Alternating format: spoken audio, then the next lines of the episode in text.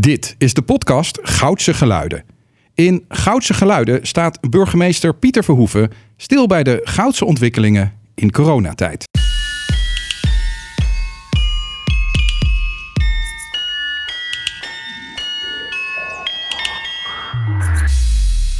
Beste luisteraars, welkom bij deze podcast. De eerste van het nieuwe jaar. Een nu al historisch jaar kun je zeggen, want Gouda is jarig, 750 jaar. En uh, dat wordt hoe dan ook gevierd. Mm, en uh, ja, toch ook wel een historisch jaar, omdat we nog midden in, een, in een lockdown zitten. En er is veel over te doen. En dat maakt dat we juist nu vandaag een mooi gesprek gaan voeren met twee boeiende mensen weer uit onze Goudse gemeenschap. Prins en Krins. En dat rijmt. En dan beginnen we met de dame. Ja, goedemiddag is het nu. Hè? Allereerst gefeliciteerd met de verjaardag van de stad natuurlijk. Ja, dank Claudia Prins, de, de, de commandant van de brandweer of de manager van de kazerne. Vertel even wie je bent. Ja, mijn naam is dus inderdaad Claudia Prins. Ik ben kazernemanager van de brandweerkazerne hier in Gouda. Een kazerne die zowel, zowel beschikt over beroeps- als uh, vrijwillige brandweer. Dus dat is echt een heel mooie, uh, mooie samenwerking zo. Ja, en 24-7, hè, bedoel je, ze zitten er altijd. 24-7, inderdaad. Ja, dat op kazerne. Ja, ja, ja. Dus onze beroepsploegen zitten 24-7 op de kazerne. Die eten, slapen, sporten daar. En uh, onze vrijwillige mensen die komen van huis als het nodig is. Dus. Ontzettend mooi.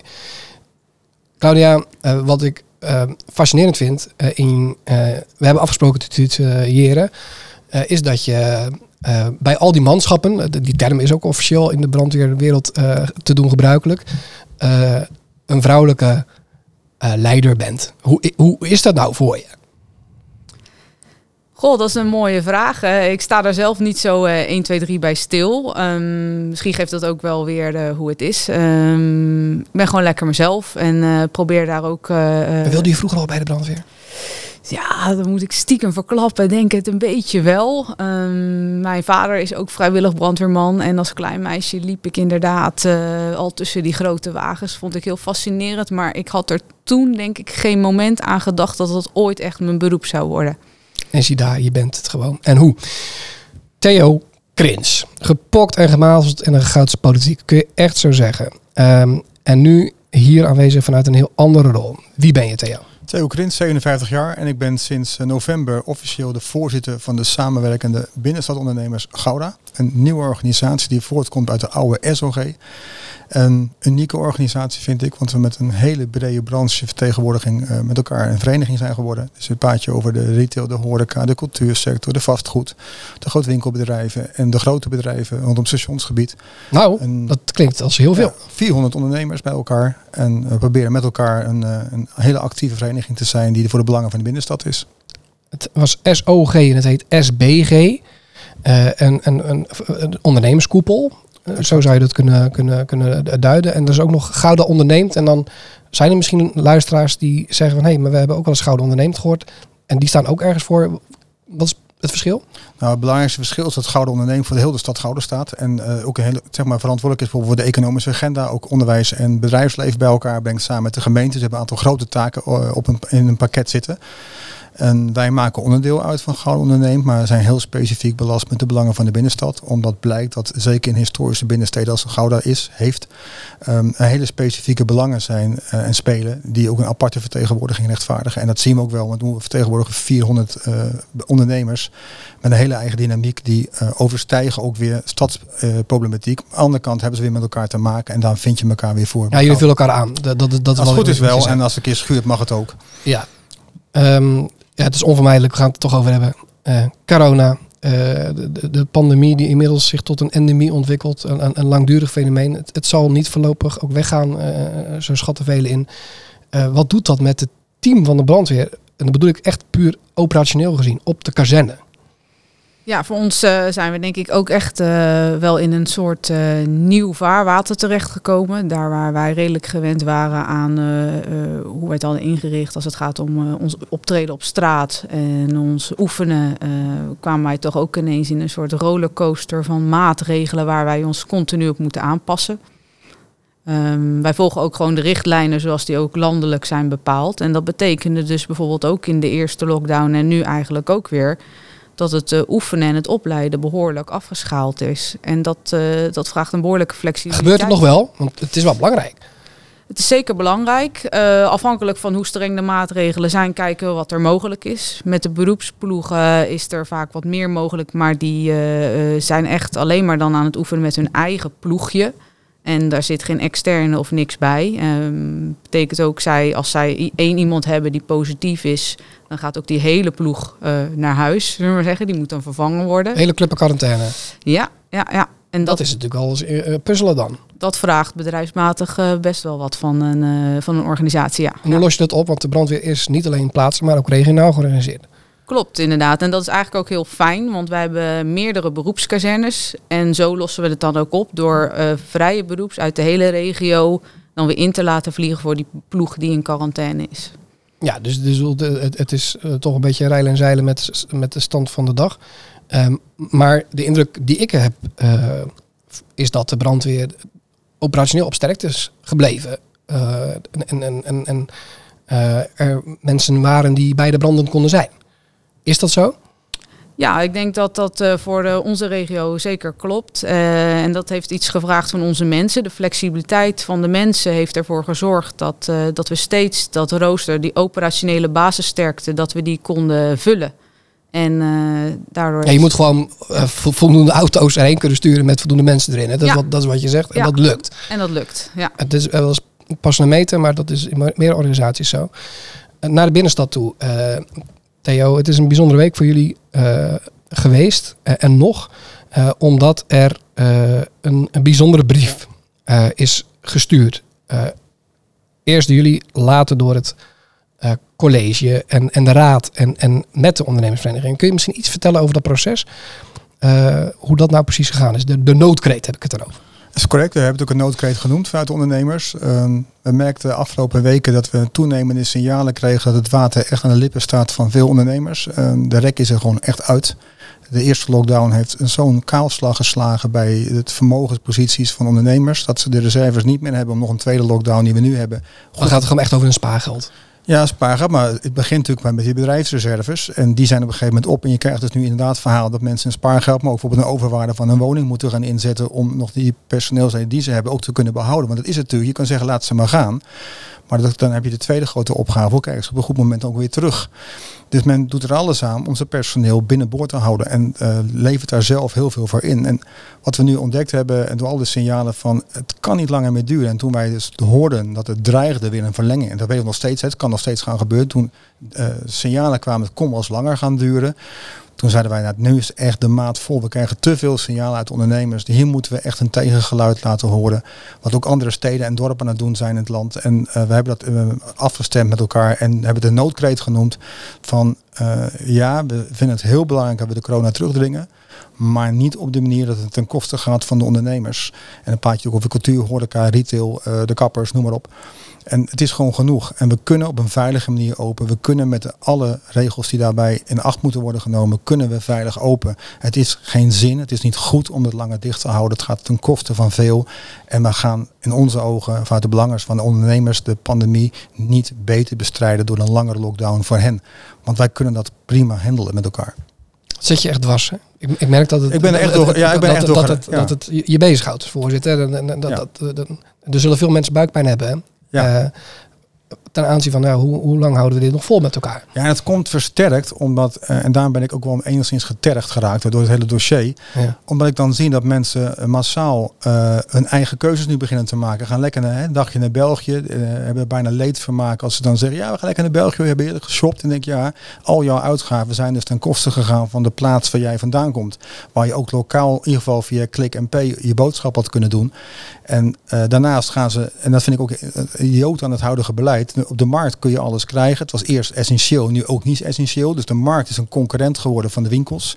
Het kan gewoon niet waar zijn. En je ziet dat bepaalde winkels... Qua uitlegbaarheid. Ja, en het gaat... Waarbij het natuurlijk wel zo is dat ook bij de markt, als je die ook voor de helft zou besluiten, daar zitten natuurlijk ook gezinnen achter die ook niet blij Nee, zouden zijn ja, met. nee, die, laat de markt lekker open zijn, maar dan ook de winkels. Ja. Ik, ik pleit niet voor het halve dichtgooien van de markt, want dat is juist de beweging die we met elkaar niet moeten willen. We moeten juist die opening met elkaar willen. En ik vind het, het duale beleid, het onlogische beleid wat nu... De huidige lockdown, da- daarvan, dan, daarvan zeggen de ondernemers, die, die raakt ons te hard en te diep. En dan zeggen mensen, maar er is toch steun? En dat, ook dat ligt genuanceerd. Hè? Ja, daar is een, echt een, eh, een verkeerde voorstelling van zaken. Natuurlijk is er steun, maar iemand zei tegen mij, Theo, als je elke dag twee boterhammen nodig hebt en je krijgt er één, dan ga je niet dood. Maar dat is ook het enige. En dat is wat nu aan de hand is. Dat je dus een deel van je omzet krijg je gecompenseerd. Maar heel goed voorbeeld, bijvoorbeeld de maand december, die moet je compenseren voor als je eh, voor een tegemoetkoming in aanmerking wil komen met, met oktober en november. Een heel kwartaal. En toevallig, of eigenlijk gelukkig, waren die maanden best redelijk goed. Dus die decembermaand gaan ze waarschijnlijk helemaal niet vergoed krijgen. En de eerste halve lockdown tot vijf uur gaf heel veel hoop aan ondernemers voor een goede kerstperiode. Dus men heeft massaal ingekocht. Maar de reserves die ze nu hebben, want ze gingen opeens toch weer dicht, die worden ook niet Ja, net een week voor de kerst. Als je, dus al die voorraden die ze hebben staan, die kunnen ze gewoon afschrijven. Dus er is gewoon in mijn ogen te weinig nagedacht over de impact van de besluitvorming die het heeft gehad voor de ondernemers. En het moet nu echt afgelopen zijn. Open met de winkels en open met de horeca en open met de cultuur. Nou, eh, we zijn benieuwd hoe eh, het kabinet eh, zal besluiten de komende dagen. Claudia, te, te midden van die lockdown was er een jaarwisseling. Ook dat nog. En dat is traditiegetrouw een, een, ja, bijna een evenement met een hoog risicoprofiel. In de zin, het, het kan zomaar misgaan. Hoe is het in gegaan vanuit het brandweerperspectief? Nou, ik moet eerlijk zeggen, en dat is natuurlijk ook meteen eh, een complimentje aan de hulpdiensten en de voorbereiding eh, van Gouda, dat het eh, al best al enige jaren vrij rustig is voor de brandweer in Gouda. Ook nu hebben we vier brandjes gehad en dat is relatief weinig, denk ik, voor een stad als Gouda. Dat komt denk ik ook gewoon door goed voorwerk aan de voorkant, door politie en de samenwerking met de gemeente. Geen vuurwerk gehoord ook, hè? ja. Nou, toch interessant hoe, hoe, hoe, brandweerlieden daar, daar dan tegen aankijken. Omdat eh, je, wel hebt eh, gehoord dat er in ieder geval veel is afgestoken, eh, al dan niet legaal. Maar er is natuurlijk wel een soort van zorgwekkende trend in. Dat, dat lang niet elk knal die hoort het onschuldige astronautjes van vroeger. Nou, inderdaad. Ik ben zelf eh, adviseur gevaarlijke stoffen. Dus ik kom ook nog eens eh, bij incidenten die, dan toch niet zo dagdagelijks zijn als het, eh, als, als, ja, ik noem even de reguliere brand, voor zover een brand regulier is natuurlijk. En daarin. Maar je bent specialist op dat soort type branden. Ja, klopt. En dan zie je dus ook wel dat er natuurlijk geknutseld wordt. En dat is echt iets waar, waar denk ik wel een heel hoog risico zit. Eh, En vuur- wat doe je dan? Dan kom je te plaatsen. Dan, dan, dan, dan, dan, dan, dan constateer je dat. Ja, bedoel, jij hebt er meer, veel meer verstand van dan een, een gemiddelde burger. En dan? Ja, over het algemeen geef ik dan eh, advies eh, aan bijvoorbeeld eh, aan, aan de politie of aan de gemeente van goh, wat zou je nou aan vervolgstappen moeten nemen om dit eh, nu veilig eh, te stellen. Eh, op het moment dat het daar is, dan maken we natuurlijk vaak een afzetting en dan, eh, dan, dan kan je er niet bij, maar dat kan je natuurlijk niet eeuwig houden. Op een gegeven moment moet er iets gedaan worden en daar adviseer ik dan over. Wat vind je nou echt leuk om te doen bij de brandweer? Ja, ik, eh, ik vind toch de dynamiek, het- het met mensen werken. Ik moest daar ook ontzettend net aan denken als ik even op uw verhaal over de ondernemers mag ingaan. Ehm, kijk, soms zie je, als je een, ziet dat een pand afbrandt of een woning en je ziet de eigenaar staan, dan zie je die ontreddering in die ogen van die mensen. En als ik uw verhaal hoor, dan, dan zie ik bijna die ontreddering ook voor me, zullen we maar zeggen. Ook al zie ik de mensen niet. En, en dat beeld van, van, van, eh, van, van, van, van, van wat dat doet met iemand als eigenlijk je hele hebben en houden. Eh, Je levenswerk soms, hè? Ja. Je, je, je, je, Ja. je, je, je droom. Ja, ja, gaat eigenlijk ja, in, bij ons dan, in ons geval vaak in vlammen op, zullen we maar zeggen. Nou, dit zijn dan geen letterlijke vlammen, maar eh, dat, dat, dat, dat, dat doet wel wat met je. Ja, ja. Ja, dat je heel mooi ik het zo teruggeeft, dankjewel. Um, en het is ook zo, ik ben echt geraakt erdoor. En um, ook ondernemers die zich nu bij ons melden, die naar het coronaloket kunnen gaan en hopelijk ook goed worden geholpen met financiële deskundigheid. Het is echt schrijnend. En uh, gelukkig, natuurlijk zijn ook bedrijven die zeggen, joh Theo, heb je het over? Ik doe het uitstekend en ik kan het prima redden. Die zijn er gelukkig ook hoor. Dat, dus niet allemaal. En ook in de binnenstad? Ook in de binnenstad. Maar er zijn er heel aantal, met name de nieuwere, de jonge bedrijven, vaak ook kleine bedrijven, die het gewoon echt zo zwaar hebben. En eentje die zei, joh, ik heb een paar tientjes omzet. En dan komen de mensen nog voor 2,5 euro zeggen dat het de koop ongedaan moet worden gemaakt. Want dat is een vergissing. Weet je, en dat is een detail, maar dat geeft iets aan. En uh, we hebben lang niet allemaal nog door als, als, als inwoners van deze stad hoe erg het is voor een heleboel kleine ondernemers, met name ook wel grotere, ook horeca, die het echt heel zwaar hebben, die vaak grote verantwoordelijkheden hebben voor personeel en vaste kosten. En lang niet alle huurders zijn bereid om nog de huren te laten dalen. Is een uitspraak van de Hoge Raad dat ze dat kunnen claimen bij die verhuurder. Maar het gebeurt ook niet vanzelf. Moet je heel proces aan vooraf gaan en moet je heel veel geduld voor hebben. Dus voorlopig is er gewoon heel veel mis. En um, wat ik heel mooi vind in deze ondernemers, het zijn mensen die met hart en ziel zich inzetten voor hun eigen bedrijf en voor hun mensen. En ze staan echt zo ver voor hun mensen dat ze zelfs hun eigen geld ervoor willen inzetten. Nou, ik moet menige loondienst iemand dan nog zo zien, die bereidheid zien hebben om dat te kunnen doen. En ga jij je eigen spaargeld aan mensen geven? Dat moet ik echt nog maar zien. En zij doen het wel. En uh, deze ondernemers die ook in onze stad verdienen echt heel veel respect. En wat mij betreft uh, een, draaiing in de regels die we nu hebben. Want het is, uh, je ziet gewoon wat er gebeurt nu waarvan akte. En we kijken met uh, uh, alles en iedereen mee uh, hoe ook de komende weken zullen gaan verlopen. Dank ook voor jullie bijdrage. Ehm, misschien één laatste vraag nog. hebben jullie nog 57 plannetjes brandweer? We zijn wel jarig, hè? Ja, nou goed. jarig ik begreep dat er ook nog een klein verzoekje lag, misschien voor eind van het jaar. Dus uh, uh, wellicht dat er nog iets met een open dag of zo kan gebeuren. En uh, wellicht moeten we daar nog eens over praten. Ja, ja. nou, dat doen we nu ook. Dus wie, wie, wie, weet komt er nog wat.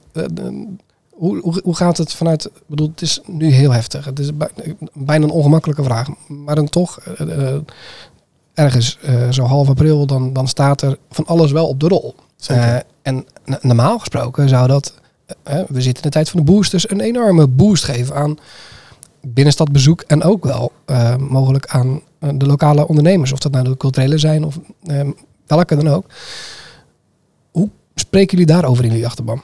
en, en op welke wijze participeert de koepel in Gouden 57? Nou, sowieso zijn wij heel erg betrokken bij de dagelijkse programmering en stemmen wij heel erg af met degene die ook de uitvoering aan gaan geven van het programma, om het programma te maken en ook met degene die op bepaalde activiteiten betrokken zijn.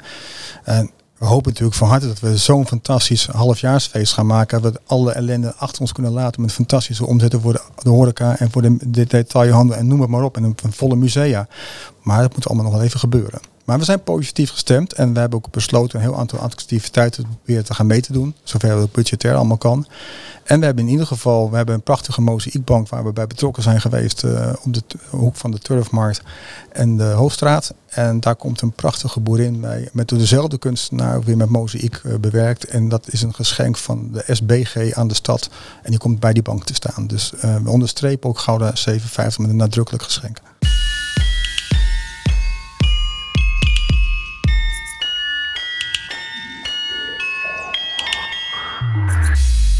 Goudse geluiden. Nu met een stukje Goudse cultuur.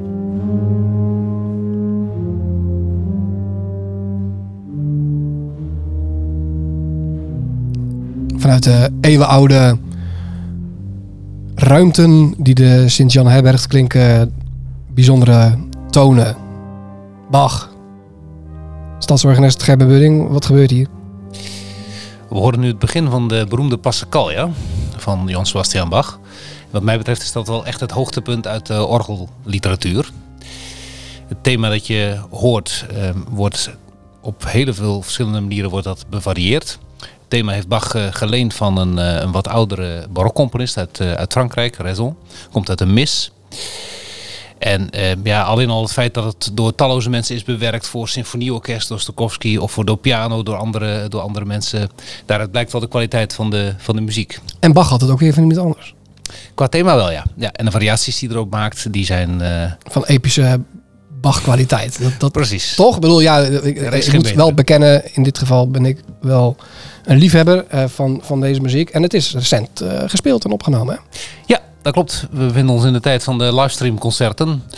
Dus jaarlijks doe ik als stadsorganist een, een nieuwjaarsconcert in de Sint-Jan... waarbij mensen verzoeknummers mogen indienen. En dit was het eerste nieuwjaarsconcert van twee verzoekprogramma's. Volgende of aanstaande zaterdag is er opnieuw eentje. En eh, een van de mensen had gevraagd om de Passacaglia van Bach. En dat is dan het eerste verzoek dat je natuurlijk gelijk inwilligt. Tenminste, ik wel. Hoe komt dat? Ja, het is een stuk dat eigenlijk je hele leven lang met je meegaat. Er zijn van die stukken waarvan je hoopt dat je ze na één keer spelen nooit meer hoeft te doen. En een Passacaglia is dus een, een werk dat je, dat je dat, dat, dat blijft je fascineren. Ik heb dit stuk ook ge- ooit gespeeld op mijn, eh, op mijn bachelor eindexamen orgel. En ik doe het eigenlijk iedere keer dat je het opnieuw speelt, doe je het niet op dezelfde manier. Je doet het stel- telkens, telkens anders. Dus je hebt de jonge Bunning en de, en de, en de huidige Bunning. En hoe is die nu? Is die rijper, verfijnder, ruiger? Wat is die? Nou ja, dat is ook maar weer om het eventjes eh, plat te zeggen hoe je pet staat. Dat kan echt heel erg verschillen. Zowel in, in tempo-opvatting als in opvatting over de registratie. Ik heb nu bijvoorbeeld een keer gekozen om tamelijk zacht vanuit het duister te beginnen. Eh, terwijl ik weet dat ik hem mijn eindexamen ben ik hem gelijk in een groot, eh, om een orgelterm te gebruiken, een groot plenum begonnen. Gewoon bam, vol op het orgel. Precies. Ja. Zo ze het dat dan zeggen. Orgels zijn toch fascinerende eh, instrumenten. oeroud. gesponsord ook in, in, in Gouda door destijds het gemeentebestuur. Je ziet Ja. allerlei gemeentelijke wapens. en- en wapens van eh, notabelen. Eh Moro-orgel, vertel er even iets over. Wat, wat, wat, maakt het nou zo'n zo'n fascinerend instrument? Ja, nou, eh, punt 1. Moreau was een, was een bouwer uit Gent, een Vlaming, die helemaal in de Frans-barokke traditie stond. En dat is voor ons land is dat redelijk atypisch. Wij waren altijd, zeker in de 18e eeuw, maar ook daarvoor, eh, eh, vooral georiënteerd op Duitsland. Daarom was het ook heel merkwaardig dat het Goudse stadsbestuur hier eh, uiteindelijk heeft gekozen voor een, eh, voor een eh, Vlaamse bouwer. Zeker voor een bouwer zoals Moreau, die eigenlijk nog geen enkel groot instrument had afgeleverd. Voor katholieke huizen ook? Ja, ook nog eens een keer. Terwijl Duitsland is misschien wat meer Luthers van Ja, origine. Precies, en dat, er waren namen als, als Garrels en, en, en Müller waren in de race. Dus je zou eigenlijk op een afstand zeggen van dat gaat hij nooit winnen. Maar, hij, En waar Rempel, maar hij werd het. een Vlaming.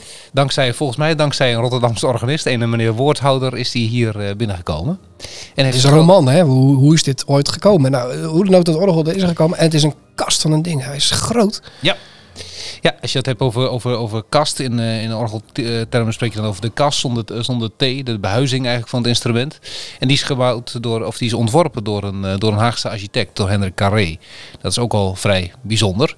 Want zoals de orgelfront eruit ziet, ik ken geen, eh, geen enkel ander instrument dat daarmee overeenkomsten heeft.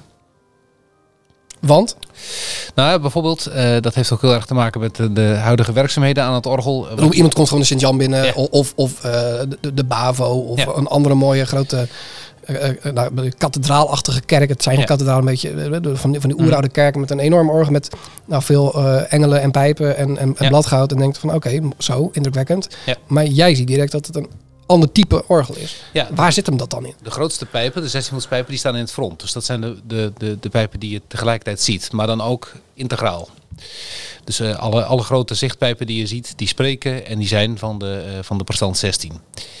Ja, en daarnaast, eh, het is niet voor niks eh, als ik eh, studeer of lesgeef en de kerk is, is open voor publiek normaal gesproken. Dan zie je, en dat zie ik lang niet overal, je ziet gelijk alle toeristen naar hun fotocamera grijpen om het orgel op de foto te zitten. Omdat het zo rijk versierd is. Het is natuurlijk gemaakt van notenhout, het duurste hout. Bijna on-Nederlands uitbundig, hè? ja, ja, zeker ja. En helemaal niet protestants, hè, want het, het stikt van de, van de triangelende en vioolspelende en trompettende engelen. Het werd niet met eh, wat, eh, wat brave vaasjes afgedaan of zo. Nee, dus, dus kennelijk altijd in het 18e eeuwse Gouda eh, wel die ruimte om dat dan ook te kunnen doen zo. Maar inmiddels is er een heel restauratieplan. Hè? Daar kun je Ja. iets over zeggen. Ja, het orgel kent een hele roerige geschiedenis. Dat is met de meeste grote stadsorgels is dat wel zo. Orgels die hadden altijd, of tenminste bespelers van orgels hadden altijd de neiging om het instrument aan te passen aan hun eigen smaak.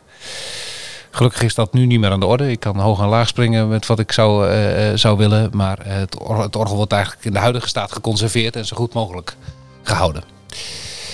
Maar ja goed, eh, eh, dit instrument eh, heeft wat dingen die altijd zijn blijven liggen. Zoals bijvoorbeeld de beroemde zichtpijpen die je ziet. Die spreken nauwelijks. En dat zouden ze wel moeten doen. Ze geven gewoon eigenlijk geen onvoldoende klank.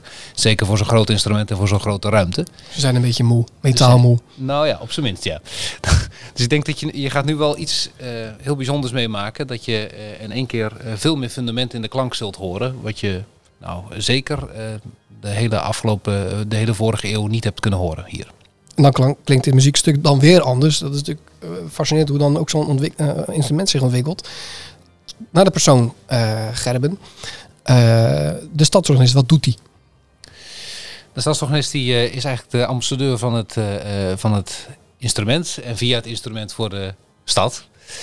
Ik bedoel, niet van niks staat op het rugwerk ook het stadswapen van Maar Gouda. toch niet alleen die van de Sint-Jan. Ik, ik, ik, ik, ik zie je ook bij andere orgelspelen. Tuurlijk, ja. Maar laten we zeggen, maar een specifieke deel stadsorganist doe je toch echt voor de stad eh, Gouda. En daarbuiten ben je natuurlijk gewoon uitvoerend muzikus. eh, Maar je doet meer orgels dan alleen die hele grote in de Sint-Jan Maro orgel. Want je Absoluut. ja. hoeveel orgels bedien je zelf, als je het uit je hoofd? Hier in Gouda? Nou, hier in Gouda, eh, laten we zeggen, je hebt een aantal belangwekkende eh, instrumenten. Dat is bijvoorbeeld de Lutherse kerk hier. Eh, het zijn een aantal instrumenten van de orgelbouwer Maarschalke Weert die echt de moeite waard zijn. En nou, die krijgen natuurlijk aandacht. Maar ook zelfs de wat nieuwere instrumenten, daar probeer ik ook zo nu en dan eens wat op te nemen. Om ze ook eventjes voor het voetlicht te brengen. Nee, snap ik. Maar ik bedoel, stel je voor, je bent een groupie en ehm, eh, je, houdt van, de, van dit soort eh, muziek. En je zou hem toch maken langs eh, boeiende goudse orgels. Hoeveel kun je er dan zo laten zien die ook echt wel Nou, dan kom je toch op 5, 6 hoor.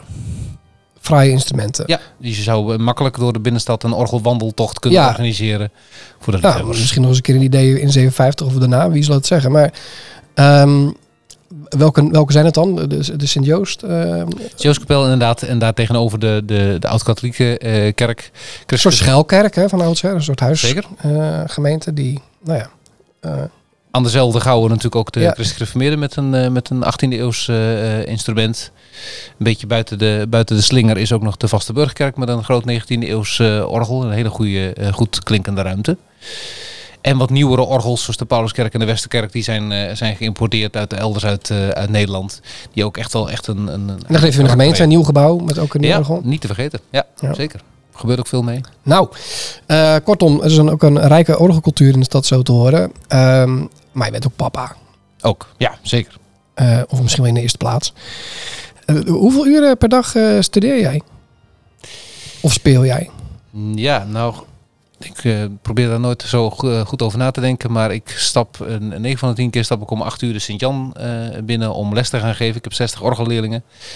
en te studeren. En buiten lockdowns kom ik er dan om 7 uur weer uit om naar een koorrepetitie te gaan. En dan kom ik rond middernacht weer thuis. Soms ga ik dan nog weer even naar de kerk om verder te studeren. Dus, dus je hebt behalve een huwelijk met je geliefde Marion, die ook heel muzikaal is, ook een, nou, een, een latrelatie op zijn minst met diverse orgels in de stad. Of, of, is dat, is, of is dat overdreven gesteld? Nee, dat is zeker niet overdreven. Nee. nee. Wat gaat het komende jaar brengen? Ja, ehm, hopelijk eh, veel live activiteiten voor, eh, voor Gouden 57. Ik ben eh, bezig met het schrijven van een compositie rond onze stadspatroon, Johannes de Doper. Dat moet een grote compositie worden voor, uiteraard voor orgel, maar ook voor verschillende koren. Want daar is de Sint-Jan naar vernoemd. Hè? Uiteraard, Ja. ja. Voor verschillende koren en voor orkest. Dus dat moet een grote happening worden op de naamdag van Sint-Jan eh, Sint-Jan de Doper op 24 juni. Dus laten we hopen dat dat tegen die tijd weer eh, kan klinken. We gaan nog even luisteren.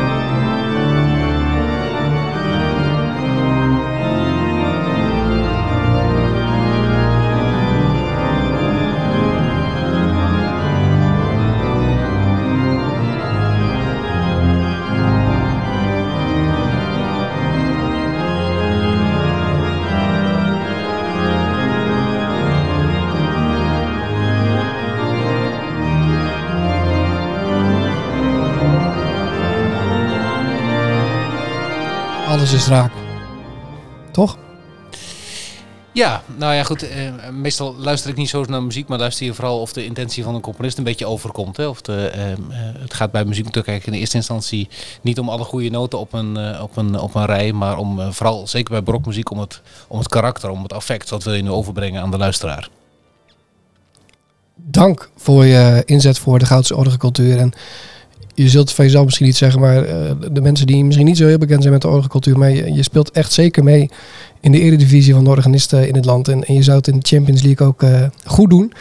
En ehm, we hopen nog veel van je spel te kunnen genieten. Dank je zeer. Een mooie dag. Hetzelfde.